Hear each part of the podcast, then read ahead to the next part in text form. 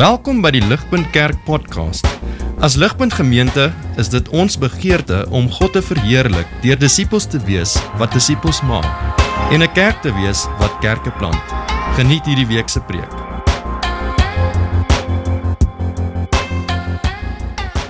Dit is lekker om um, vir julle te kan preek vanoggend. Um, en goeiemôre aan ons gaste en en baie welkom. Ehm um, dis my werk vanoggend om ehm um, om basies dit voel soos die hele Bybel te preek vir julle. Ehm um, nee, ek spot dis dis dis ons dis ons reeks van ons heiliglik is en wat ons vanoggend afsluit. Uh, ons sluit af ons reeks God se hart vir die hulpeloses. Uh, en soos ons gelees het deur al daai tekste sou julle daai drie groepe gesien het en daai drie groepe was die fokus van hierdie reeks um, spesifiek waar ons stil staan as kerk by 'n uh, God se God se hart. God se hart wat bloei vir die weeskinders. God se hart wat uh, bloei vir die weduwees en vanoggend spesifiek waar ons wil stil staan, um, God se hart ook vir die vreemdeling. Uh, ek gaan sommer um, inspring. Dit is 'n 'n triekie een vanoggend. Ehm um, beide die die Afrikaans en die Engelse woorde vir hierdie groep mense waarna die Bybel verwys. Beide die Afrikaanse en Engelse woorde bring bietjie verwarring. Van van wie praat ons? Wie wie is hierdie mense? In die Engels, soos wat julle gesien het, praat ons van the stranger. Um letterlik coming from the outside, uh foreigner, alien, stranger, exile. Hierdie is hierdie is die woorde. Uh, as ons kyk na hierdie woorde, verwys dit nie na die buitelander ehm um, wat soos 'n Amerikaner of 'n Duitser in ons land inkom om besigheid te doen nie. Dis nie dis nie waarna hierdie verwys nie.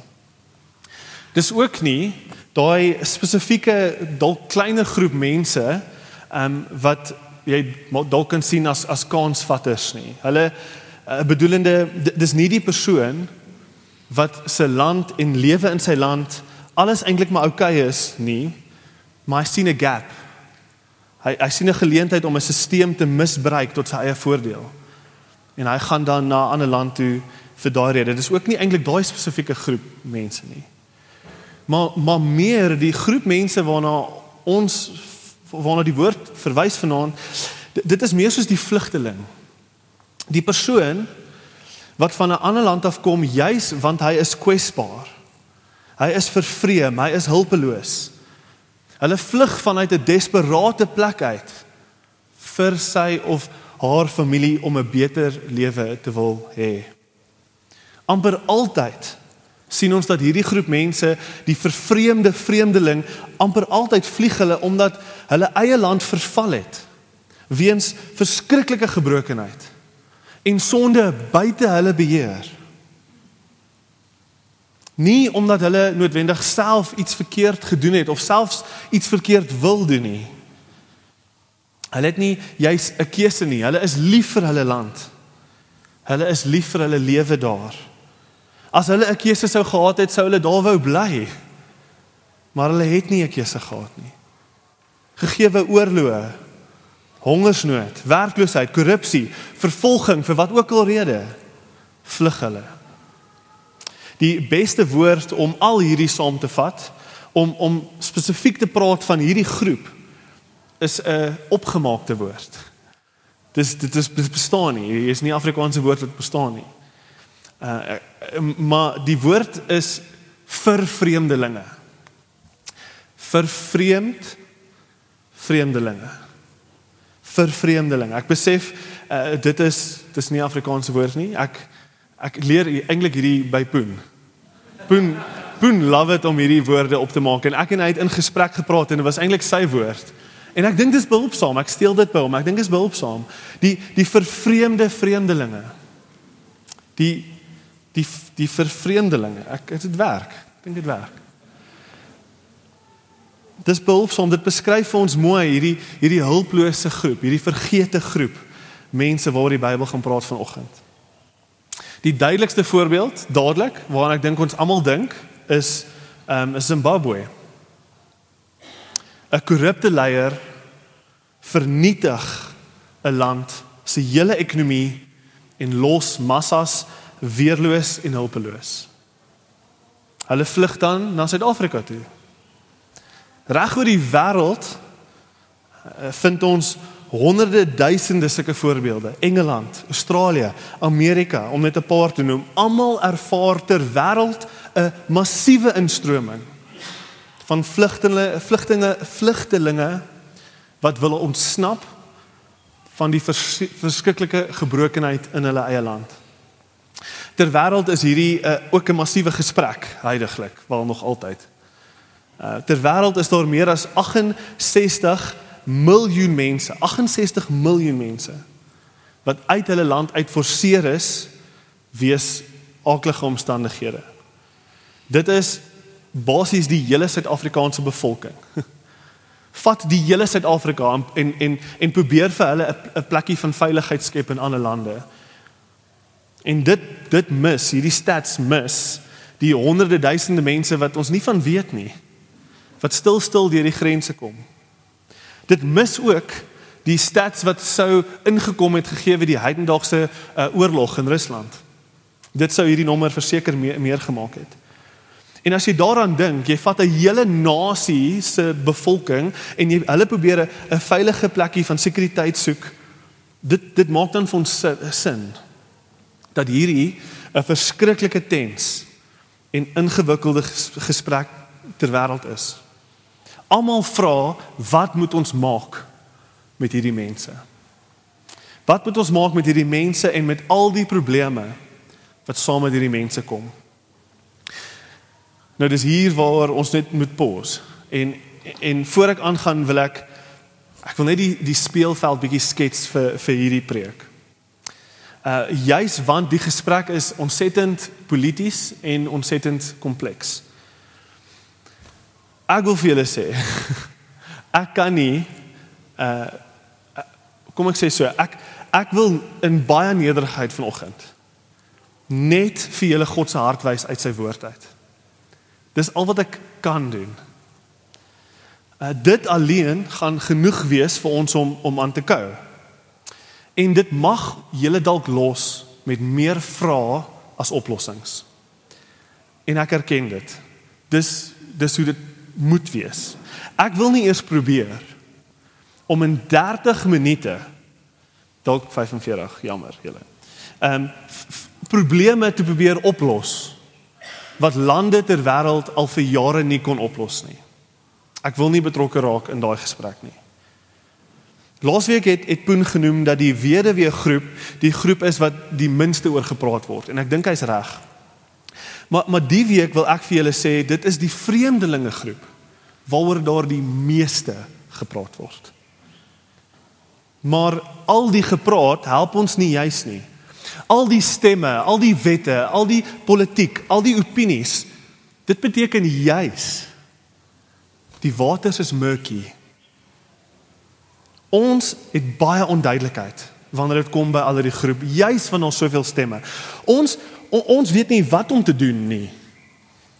Ons weet nie wat reg is nie, ons weet nie wat verkeerd is nie, ons weet nie wat ons dink nie. Ons weet nie, daar's te veel stemme. Die gesprek is te kompleks. En so my hoop ten minste vanoggend is om net God se hart duidelik te maak. Dis my hoop, dis my doel. Wat is God se hart vir die vreemdeling? Dis my doel. En so met dit gesê, Kom ons kom ons bid saam.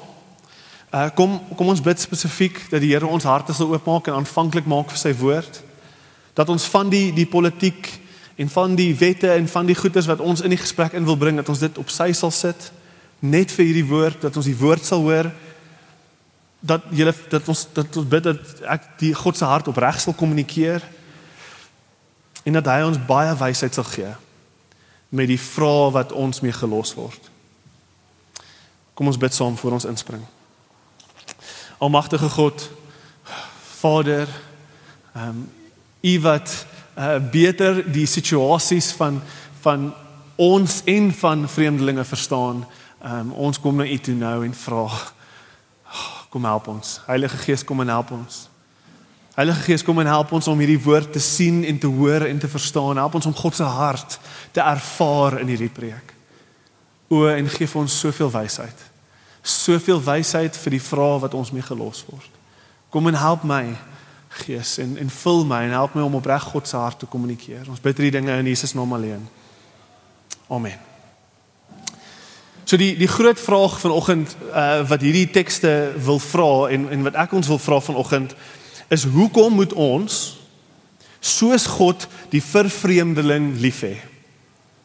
Natuurlik kan jy sê dis 'n opdrag. Johan, ons moet dit doen. God het gesê ons moet dit doen, ons moet dit doen. Ek verstaan. Maar wat ek eintlik vra is hoekom maak hy die opdrag? Wat is God se hart agter al die wette wat ons van gelees het vanoggend? Dis die vraag. En ons gaan ons gaan die vraag beantwoord deur na twee punte te kyk. Twee punte wat ons gaan help om te verstaan hoekom God se hart vir die vreemdeling is. Die eerste punt gaan wees die Ou Testament rede, 'n Ou Testament rede. En die tweede punt gaan wees 'n Nuwe Testament rede. So kom ons spring in die Ou Testament rede in vir hoekom God so lief is vir vir die vreemdeling, die die vir vreemdeling. Die Ou Testament rede vat ons na die skepping toe. Uh week na week lees ons lees ons al hierdie tekste uit die Ou Testament uit. En dit was vir my verskriklik treffend week na week net hoe baie die Ou Testament te sê het oor hierdie groep hopelose mense. En as ons dit alles saamvat, dan is dit vir ons duidelik dat hierdie groep 'n prioriteit is vir die Here. Hierdie wette wys vir ons dit was iets wat die Here wou gehad het sy mense moes definieer. Iets wat hulle moes laat uitstaan het in vergelyking met die ander nasies om hulle in daai tyd hoe Israel die weeskind, die weduwee en die vervreemdeling hanteer, moet hulle anders laat lyk like as al die ander nasies. En as jy as jy as jy teruggaan en jy kyk na hoe die nasie die, die die norm van die dag, as jy gaan kyk. Die die norm van die dag vir ander nasies was soortgelyk aan vandag. Hulle hulle hulle hulle bevoordeel hulle hulle die norm is om hulle eie land en hulle eie ekonomie te bevorder en te bevoordeel. God sê, "Ha, nie so met julle nie, Israel." Die norm van die dag vir ander nasies sou gewees het om vlugtelinge slawe te maak. Hulle sou um, hulle onderdruk het en uitgebuit het, want dit is so maklik as jy daaraan dink. Hier vlugge 'n persoon van 'n ander land af. Hy het geen opsie nie. Die vlugting, die vlugteling verstaan nie jou taal nie. Hy verstaan verseker nie die land se se kultuur en wette nie. En as hy iets probeer sê, gaan die gesag van daai land nie omgee oor hom nie. Die vlugteling is desperaat. Hy's alleen. En dit los hom met geen keuses nie. Hy moet maar net ja en amen op die opsies wat vir hom gegee word. Al is die enigste opsie slawerny. Hulle het nie hulle gaan of terug na hulle land van hongersnood en oorlog toe of hulle vat wat vir hulle gegee word. Dit los hom in 'n verskriklike kwesbare uh, posisie. Die die best case vir 'n vlugteling sou gewees het om arm, hulpeloos of uit, uitgebuit te wees. Dis best case. Worst case sou gewees het jy's nou maar 'n slaaf in hierdie huis. Die die punt is die norm van die dag was dat die vlugteling is cheap labor. Dis 'n bate, vat hom, dit goed goed vir jou land. Cheap labor. En weer eens sien ons in hierdie wette wat sê God nie so met julle nie Israel. Hierdie wette en al die wette soos hulle wat ons gelees het uh, is daar om te sorg vir die vervreemdeling. sien julle daar die die daai teks wat verduidelik ehm um, die derde jaar in die oes moet julle tiende gee vir die vreemdeling. sien julle daar die die ander ene wat sê as daar so 'n as daar 'n groot ding is, nooi hulle in, nooi die vreemdeling in. Moenie moenie op jou eie kuier en en feesvier nie, nooi hulle in. Maar meer as dit, al hierdie wette is daar om seker te maak Israel hanteer die vervreemdeling soos 'n gelyke. Ons is gelyk. Hanteer hulle net soos jy 'n mede-Israeliet sou hanteer. Hanteer hulle regverdig. Geef hulle 'n regverdige kans om 'n nuwe lewe te begin. Dis dis waaroor hierdie wette gaan. Kyk gou saam ek het hierdie is nog 'n teks wat ons nie eens hier ingesit het nie. Ehm um, Levitikus 19 vers 33 en 34. Lees saam my. Leviticus said, "Do not mistreat the any foreigners who live in your land. Instead, treat them as well as you treat citizens, burgers, Israelite, and love them as much as you love yourself." Remember, you were once foreigners in the land of Egypt. I am the Lord your God. Sien, hierdie tipe liefde vir die vreemdeling was ongehoor van onder die nasies in Israel se tyd. En weer eens ek vra weer, wat is die hart van God agter al hierdie? Waarop bou hierdie wette? Ek vat julle na Genesis 1 toe. Ek vat julle na die skepping toe. Genesis 1 vers 26 en 27 sê Then God said, "Let us make mankind in our image, in our likeness, so that they may rule." Vers 27. So God created mankind in his own image, and in the image of God he created them. Male and female he created them. Agter al die Ou Testament wette wat wil beklei vir die weerlose vervreemdeling, staan die imago Dei. Dit is die latynse woord vir die lering wat sê dat elke persoon is geskape in die beeld van God. Elke mens, maak nie saak wie hy of sy is nie, elke mens, maak nie saak waar of van hulle maak saak waarvan af hulle kom nie. Elke mens is waardevol omdat elke mens in hom of haarself die beeld van God dra. Hulle waarde is gebind aan God se waarde.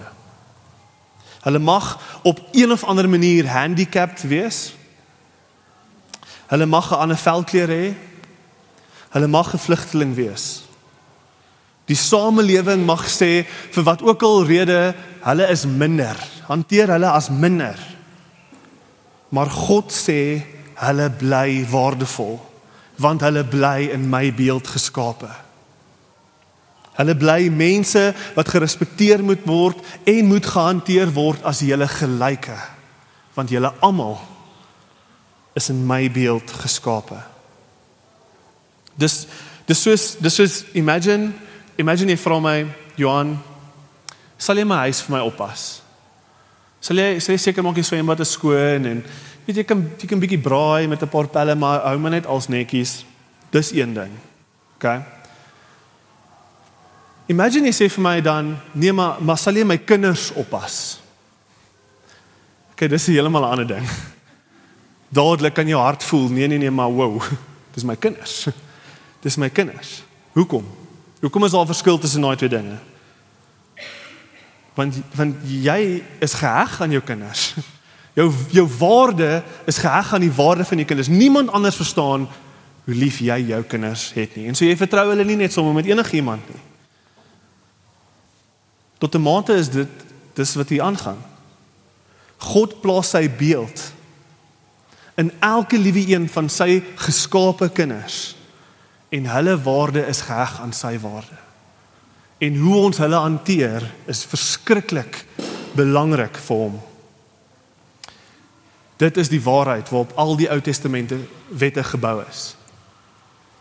God het hierdie wette gemaak want sy hart is om die menswees te beskerm, die waarde van elke mens te beskerm teen ons sonde wat geneig is om mense te wil minder maak. Wanneer ons die vervreemdeling wil uitbuit as cheap labor.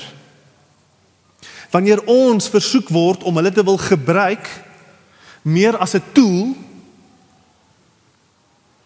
vir ons eie voorbeeld, vir voordeel, vir ons eie voordeel, nie as mense nie, dan wil hy kom om hulle te beskerm.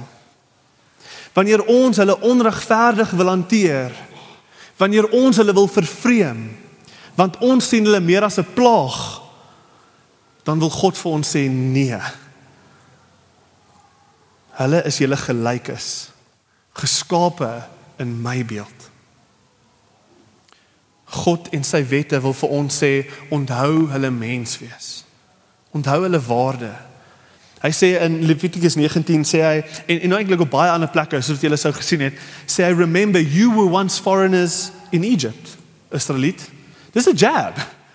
Hy hy hy hy hy steek hulle so 'n bietjie in die ribbes. Ah. Onthou, julle was daar waar hulle was. Wat wat sê die Here eintlik? Wat hy sê is daar's niks van jou wat jou beter maak as daai persoon wat nou voor jou deur staan nie. Niks nie. Jy was waar hy was. Jy was waar jy was. Dalk gaan dit nou goed met jou. Maar jy was, daar's niks wat jou beter maak nie. Jy was ook 'n vreemdeling. Jesus um, bevestig in sy eie woorde dat dat die hele wet um saamgevat kan word uh, in, in dit gaan oor mens wees, dit gaan oor liefde. Hoor wat hoor wat sê Jesus? Soos wat Jesus praat oor die Ou Testament wet. Um Matteus 22 vers 37. Love the Lord your God with all your heart, with all your soul and with all your mind. This is the first and greatest commandment and the second is like it. Love your neighbor as yourself. In in lees net vers 40. Kyk hoe interessant is hierdie. All the law and the prophets hang on these two commandments. Wat Jesus vir ons wys van die Ou Testament wette is dat waarop die Ou Testament neerkom. As jy die hele Ou Testament, die hele wetstelsel moet saamvat en jy kompres die hele wet. Jy krans hulle, jy druk hulle in in twee sinne in. Dan kom dit neer op hierdie twee sinne. Wees lief vir God en wees lief vir jou medemens. En daai woordjies daai daai woordjie uh, and the second is like it wat dit vir ons sê is hierdie twee staan of val saam. Die Bybel gaan ons altyd uitdaag. Ware liefde is gebind ware liefde vir God is gebind aan ware liefde vir jou medewens. Jy kan nie hierdie twee goeie skei nie. En so ook liefde vir jou medemens is hoe jy jou liefde vir God uitleef. Jy kan nie jy kan nie sê jy is lief vir God, maar jy is nie lief vir jou medemens nie. Jy kan nie. Hierdie goeie staan of val saam. Hierdie is die hele Ou Testament wet in twee sinne. Wat hierdie vir ons sê, ligpunt, is as ons dink aan die komplekse gesprekke wat draai om onwettige vlugtelinge. Wanneer ons dink aan al die wette in Suid-Afrika, aan al al die Suid-Afrikaners wat ook desperaat werk soek, as ons dink aan hoe kompleks dit raak, dan wil ek weer eens vir julle sê ek het nie antwoorde nie. Ek het nie. Dis moeilike gesprek. Maar ten minste wat ek sien wanneer ek al hierdie tekste oopmaak, wat ek duidelik sien in God se woord, is dat wanneer daar 'n God geskape mens voor jou staan, dan maak dit nie veel saak wie dit is nie. Help hom. Help hom, want niemand anders gaan nie en help veral die vervreemdeling want hy of sy is juis 'n kwesbare beelddraer wat voor jou staan. Die Here tref nie aan onderskeid nie. Die Here tref geen onderskeid nie. Dis die dis die eerste rede, die Ou Testament rede. So so ek som op so hoekom het die Here 'n sagte plekkie vir die vervreemdeling? Want hulle is geskape in sy eie beeld. En die punt hier is dis maklik om verlore te raak in die politiek. Dis maklik om verlore te raak in die wette en al die redes en dan die godgeskape mens te mis wat die Here oor jou pad mag bring. En so ook dan God se hart te mis vir daai persoon. Dis die eerste rede, die Ou Testament rede. Kom ons gaan na die die tweede rede toe, die Nuwe Testament. Die Nuwe Testament rede gaan ons eintlik vat na die nuwe skepping toe. Die nuwe skepping toe.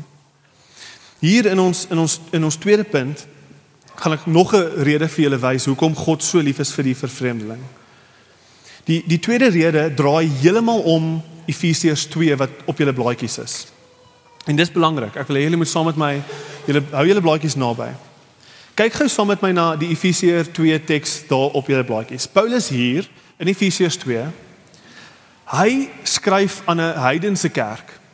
En hy probeer aan hierdie heidene gelowiges Hy probeer die volheid van al hulle voorregte en hulle redding, hy probeer dit vir hulle verduidelik.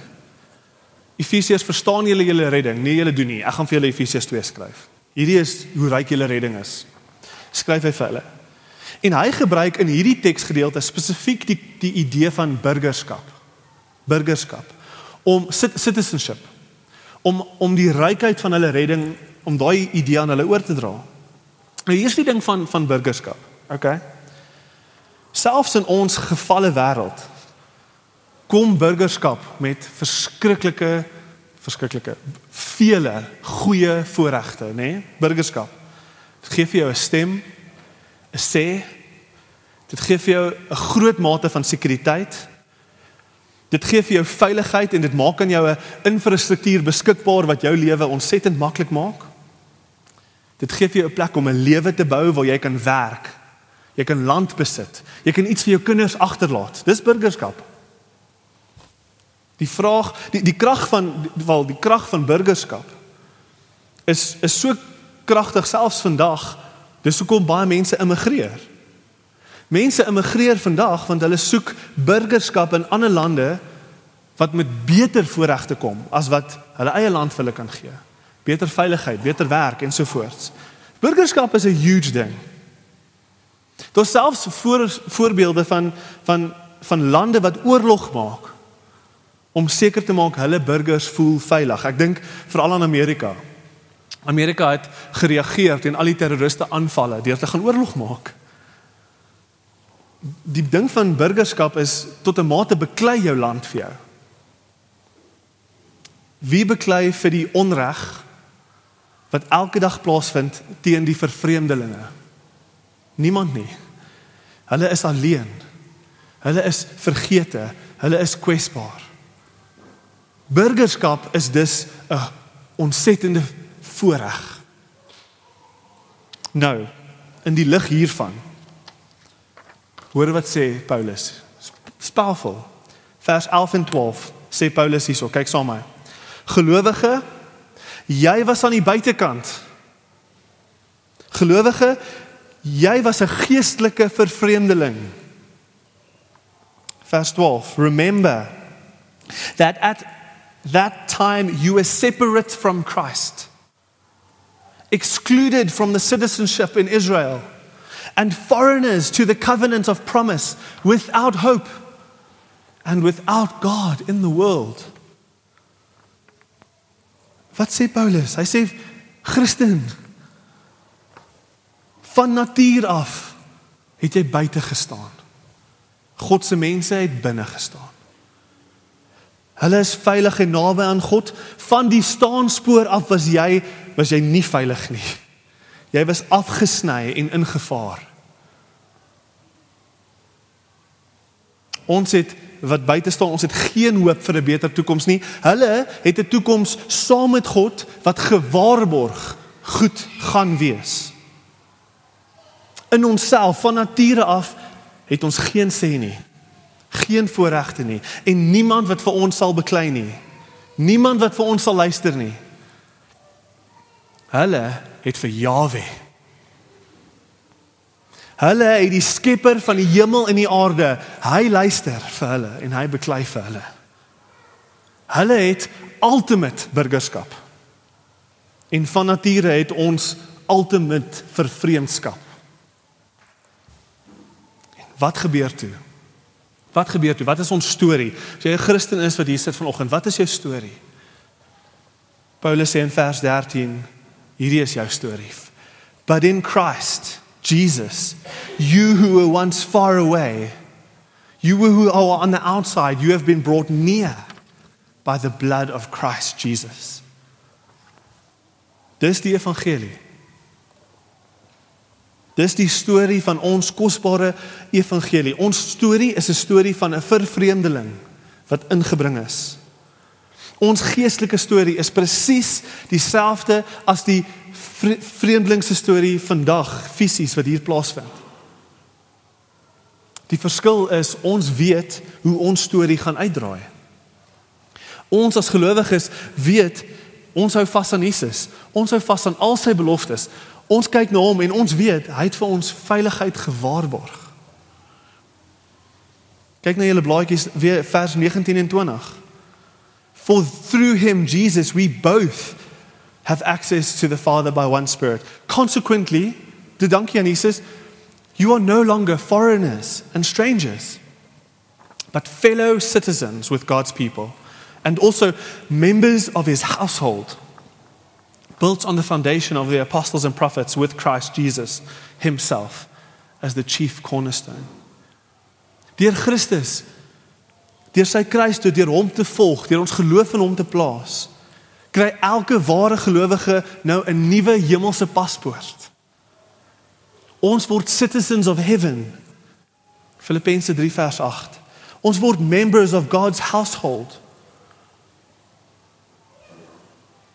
Ons ons is inner as in. Ons is inner as in, ons is skoon gewas. Elke hindernis teen ons is weggeneem. Ons geniet nou al die voorregte van 'n hemelse burgerskap. Wat al 100 000 keer beter is as enige burgerskap wat hierdie wêreld jou kan offer. Ons geniet deur Christus ultimate burgerskap. Jahwe is nou vir ons. Wie kan teen ons wees? Die groot maar. Groot maar is maar net weer eens om te sê Paulus probeer die punt maak. Julle dit nie verdien nie, Efesiërs. Ligpunt, ons het dit nie verdien nie. Ons was van natuur uitgesluit, ons was weerloos, ons was hulpeloos. Dit is deur genade. Jesus het uitgereik na ons toe. Ons het niks hiervan self gedoen nie. As dit nie vir Jesus wat was uit die hemel uit gekom het nie. As hy nie sy hemelse burgerskap opgegee het nie en sy voorregte prysgegee het nie en in ons plek gestaan het nie, sou sou ons nog hopeloos gestaan het. Sou ons nog aan die buitekant gestaan het. sien julle? Daar's 'n 'n skrywer, 'n sanger wat wat 'n uh, musiek skryf, sy naam is John Guerra. En in sy eie beskrywing van van sy musiek sê hy as volg. Hy sê I am a singer-songwriter who writes devotional music. Less Sunday morning worship music and more Monday morning prayer music. En so baie van sy liedjies is gebede, is mooi, dis dis pragtig. En toe ek bietjie agter, toe ek bietjie probeer ek probeer aflei van van van Guerra se storie. Toe kom ek agter uh John Guerra se ouers het Amerika toe gegaan uh as illegal immigrants op soek na 'n beter lewe.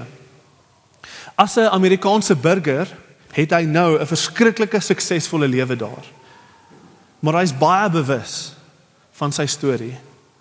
Hy's baie bewus dat hy nie verdien wat hy het nie.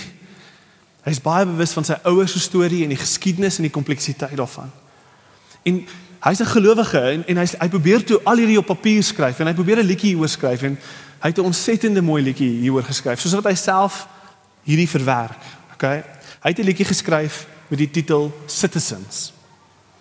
Hoor hierdie gebed wat hy skryf.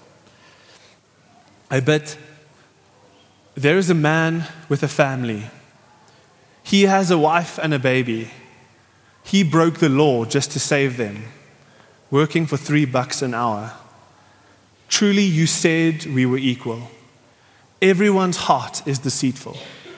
Everyone born is illegal when love is the law of the land. I bet I need to know there is justice, that it will roll in abundance, and that you're building a city where we arrive as immigrants, and you call us citizens, and you welcome us as children home. You were alone and rejected, misunderstood and detested.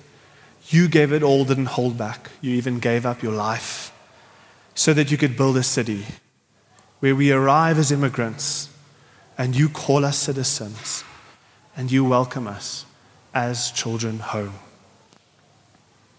Everyone born is illegal. Skrikkelike kragtige woorde. Verskriklike kragtige woorde. Vir 'n vir 'n heilige God dink ek dis baie waar wat hy hierso sê. As die Here die wet boor ons koppe moes hou, sou nie een van ons 'n kans gestaan het nie. Maar dis dis dis dis die tweede rede hierso. Dis die Nuwe Testament rede. Die evangelie is 'n prentjie van God wat deur Christus die vervreemdeling ingelaat het. Volg dit dan nie dat ons as Christene nie ook hierdie selfde liefde vir ons medemens behoort te hê nie. Asseblief hoor mooi. Ek ek probeer nie hier sê ons moet rebelleer teen die wette van ons land nie. Daar is niks verkeerd om die sosiale, politieke en ekonomiese oorsake en gevolge van onwettige immigrasie te erken nie. Daar's niks fout daarmee nie. Dis reg. Maar ten minste soos wat ek God se hart hier voor my sien, wil ek vir julle sê, daar is 'n ernstige gevaar vir die Christen dat ons so vasgevang raak in die wette dat ons die die hart mis wat voor ons staan. Dat ons die mens mis wat voor ons staan en God se hart mis in die proses. Ons moet in gedagte hou dat alhoewel die die Bybel gee ons 'n opdrag om onsself te onderdanig aan die regerende owerhede, Romeine 13 vers 1. Dis dis wat die Bybel vir ons sê, maar die Bybel sê ook vir ons soos wat ek vanoggend duidelik gemaak het, wees jou medemens lief soos jouself. Beide daai goed is waar. Dis 'n spanning. Dis 'n spanning. En ek kan nie noodwendig daai spanning oplos nie. En dis dalk waar waar julle vanoggend meer vrae gaan hê vir my as wat ek vir julle kan antwoorde gee. Maar mag ek ons aanspoor as kerk om te bid hieroor vir wysheid. Almagtige God, u hart wat bloei vir die vreemdeling, gee vir ons wysheid. Gee vir ons wysheid. Mag ons u hart ten minste in ons kry. Soos wat ons worstel met hierdie spanning. En in die midde van hierdie spanning, hierdie kan ek met selfvertroue sê. Kan hierdie ten minste met selfvertroue sê, err on the side of love. Ons is spanning, jy's in twee geskeer. Die wet van die land en die liefde waarna toe God ons almal roep. Ten minste kan ek met selfvertroue sê, err on the side of love. Dis my toepassing. Dis my toepassing. sien God se hart in die midde van die spanning and err on the side of love. Lê daai kant toe want dis ten minste die beste voorbeeld die die naaste ding aan wat ek kan sien die voorbeeld is wat wat Jesus vir ons gee. Ek, wil afsluit met net nog 'n paar voorstelle. 'n Paar voorstelle wat ons gaan help om God se hart uit te leef uh, in ons dag tot dag. Eerstens wil ek noem ek het klaar hierdie gesê, maar ons moet bid vir wysheid soos wat ons worstel met hierdie, maar ek wil nog 'n ding bysê. Kom ons bid nie net vir wysheid hier en nou nie, maar kom ons bid vir die gebroke lande waarvan af vlugtelinge kom. Kom ons bid bietjie vir Zimbabwe en en die die verskriklike ons lewensomstandighede waarin daai mense moet lewe. Elke dag is 'n is is is 'n battle for life and death, man. Dit is dit is dis rof. Kom ons bid bietjie vir vir Zimbabwe. Die tweede voorstel ehm um, is dat daar 'n verskriklike groot kans is dat baie van ons wat hierso sit, Zimbabweërs het wat vir ons werk. In ons huis, in ons tuin, in ons besigheid. En hier wil ek sê God se hart is duidelik. Ons as Christene kan onder geen omstandighede hulle uitbuit nie. Betaal hulle met die vrygewigheid wat hulle stories en hulle menswees verdien. Betaal hulle met 'n vrygewigheid wat hulle menswees erken en hulle storie erken. Dit beteken ten minste minimum wage, okay? Enigiets minder as dit is uitbuiting en dis nie vir die Christen nie. Derdens wil ek praat oor xenofobia. Xenofobia. Mag ons mag ons dit in ons kry om planne te probeer maak om ons huise oop te maak vir die vlugtinge in ons land wanneer daar golwe en vlae van xenofobie oor ons land kom. Mag ons as Christene nie ons Zimbabwese huishulp of tuinier huis toe stuur in die gevaar van xenofobie en wanneer ons weet hulle lewe is vanaand in gevaar nie. Mag ons hulle 'n geleentheid gee om by ons te bly. Mag ons 'n plan maak vir hulle, mag ons vir hulle veiligheid bied in tye waar hulle lewe in gevaar is omdat hulle vlug gevlug het van 'n ander land af en mense hulle wil doodmaak. Mag ons ons huise oopmaak om hulle te te wil beskerm. En dan laastens, uh, Matteus 25. Ook op julle blaadjies. Matteus 25, ek het gesê ons gaan nou na die die nuwe skepping toe, nê? Nee? En hierdie is hierdie is dit. Matteus 25 vat ons letterlik na die na, na die laaste datum. Jesus het er gekom. Al die nasies is voor sy troon. Jesus sit op sy troon en en op daai oordeelsdag skei Jesus die skape van die bokke, goats, weet nie? Hy skei hulle. Okay, hy skei hulle. En op die basis van wat skei hy hulle? Wat is die die die ding ten minste in hierdie stuk wat wat vir hom sê op die basis van hierdie oordeel is jy is jy 'n skaap, 'n ware gelowige? Of op die basis van hierdie is jy nie? Daai dag vra Jesus. Hy sê julle het my in julle huis ingeneem. Julle het my gevoed. Ek was die vreemdeling, julle het my ingeneem. En dan wat vra hulle? Hulle vra, "But Lord, when did we see you hungry and feed you? Or thirsty and give you something to drink? When? When did we see you a stranger and invite you in? Or needing clothes and clothe you? When did we see you sick or in the prison and visit you? When?" The king will reply, "Truly I tell you, whatever you did for one of the least of these, brothers and sisters of mine, you did for me. Hierdie is God se hart vir die hulpeloses. Hierdie spesifieke uitnodiging is brothers and sisters. Weet jy hoeveel van ons Zimbabweër uh, vlugtelinge in ons land, weet jy hoeveel van hulle is gelowiges, medegelowiges? Hulle is ons boeties en sissies. Hulle is hulle is deel van ons. Daar's daar's selfs 'n mate waar die op hierdie opdrag ons verder vat om te sê sien om vir jou boetie en sussie. En dan en dan heel laastens. Jesus Jesus sê vir ons um go out into all the nations make disciples of all nations baptizing them in the name of the Father the Son and the Holy Spirit. Voor ons voor ons vasgevang word in die kompleksiteit van van wat hier aangaan. Ten minste wat ek sien Jesus doen wanneer daar gebrokenheid in die land is is ons hoef nie te gaan en disippels te gaan maak nie. Ons hoef nie te gaan na die nasies toe nie. Wat ek sien is die nasies kom na ons toe. Die nasies kom na ons toe. En ons ons ons die roeping dan is dat ons heel eerste die geleentheid sal sien om Jesus met hulle te deel.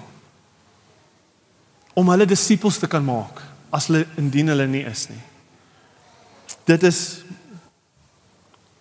dit is dit is my vier punte. Ek ek's klaar mag ons aan die einde van die tye hoor voor die troonkamer van God dat mag ons hoor dat die Here vir ons sê jy het my gekleed. Mag ons as kerk daai woorde hoor by die Here. Kom ons sluit af en bid saam. Almagtige God Papa Vader vanoggend wil ek vra dat U deur die krag van die Gees um, ons sal herinner aan ons aan ons storie. Ons storie van gees, geestelike uh vervreemdskap. En en dat U ons harte sal warm maak soos wat ons dink aan hoe U ons ingebring het. Hoe U deur ons deur die liefde ons ons al die voorregte gegee het waarvan ons ons ooit kon droom. Hoe U ons ons veilig hou en hoe ons ons hoop in U kan sit en ons hoop in 'n hemelse burgerskap kan sit soos wat ons land ons in die steek laat. En soos wat die wêreld om ons chaos is. Dankie dat ons die voorreg het om te kan rus in ons hemelse burgerskap. Doen doen hierdie werk in ons. Maak maak ons harte warm met al hierdie voorregte, Vader, sodat wanneer ons die geleentheid kry om u God geskape beeld voor ons te sien in die vorm van 'n vlugteling. Vader, dat ons hart sal sal oorloop van liefde. En sodat ons ons liefde vir u kan uitleef deur daai God geskape beeld daar te kan lief hê. Doen daai werk in ons midde. Maak ons 'n voorbeeld vir die vir die bure en die mense om ons dat hulle liefde hier sal kom sien, 'n liefde wat wat nêrens anders te vind is nie. Kom doen daai werk. Ons bid dit als in Jesus naam alleen. Amen. Vir meer inligting oor Ligpunt Kerk, besoek gerus ons webwerf op www.ligpunt.com of kontak ons gerus by info@ligpunt.com